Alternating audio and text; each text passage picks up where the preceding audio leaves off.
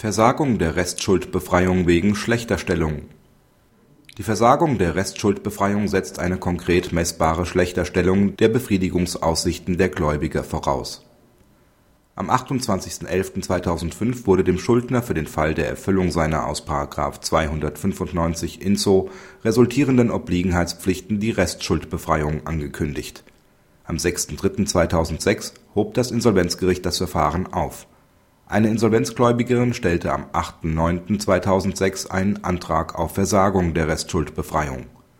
Zur Begründung führte sie aus, dass der Schuldner den Treuhänder nicht über die Aufnahme seiner Tätigkeit als Direktor einer Limited und den daraus resultierenden Einkünften unterrichtet habe.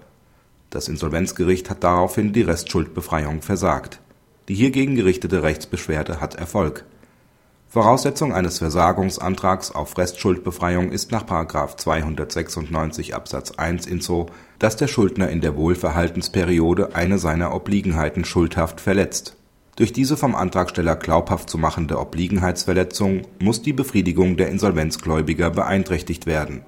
Hierfür genügt eine bloß abstrakte Gefährdung der Befriedigungsinteressen der Gläubiger nicht Vielmehr muss bei wirtschaftlicher Betrachtung eine konkret messbare Schlechterstellung der Befriedigungsinteressen der Gläubiger wahrscheinlich sein.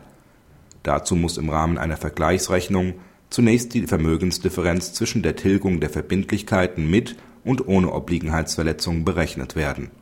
Der auf diese Weise ermittelte pfändbare und an die Insolvenzgläubiger zu verteilende Betrag muss sodann durch die Obliegenheitsverletzung verkürzt worden sein dem wird der lediglich auf pauschale Vermutungen und eine bloße Gefährdung gestützte Versagungsantrag nicht gerecht.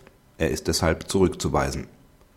Praxishinweis Der BGH stellt nochmals klar, welche Voraussetzungen an einen wirksamen Antrag auf Versagung der Restschuldbefreiung zu stellen sind. Diese sollten von Gläubigern unbedingt beachtet werden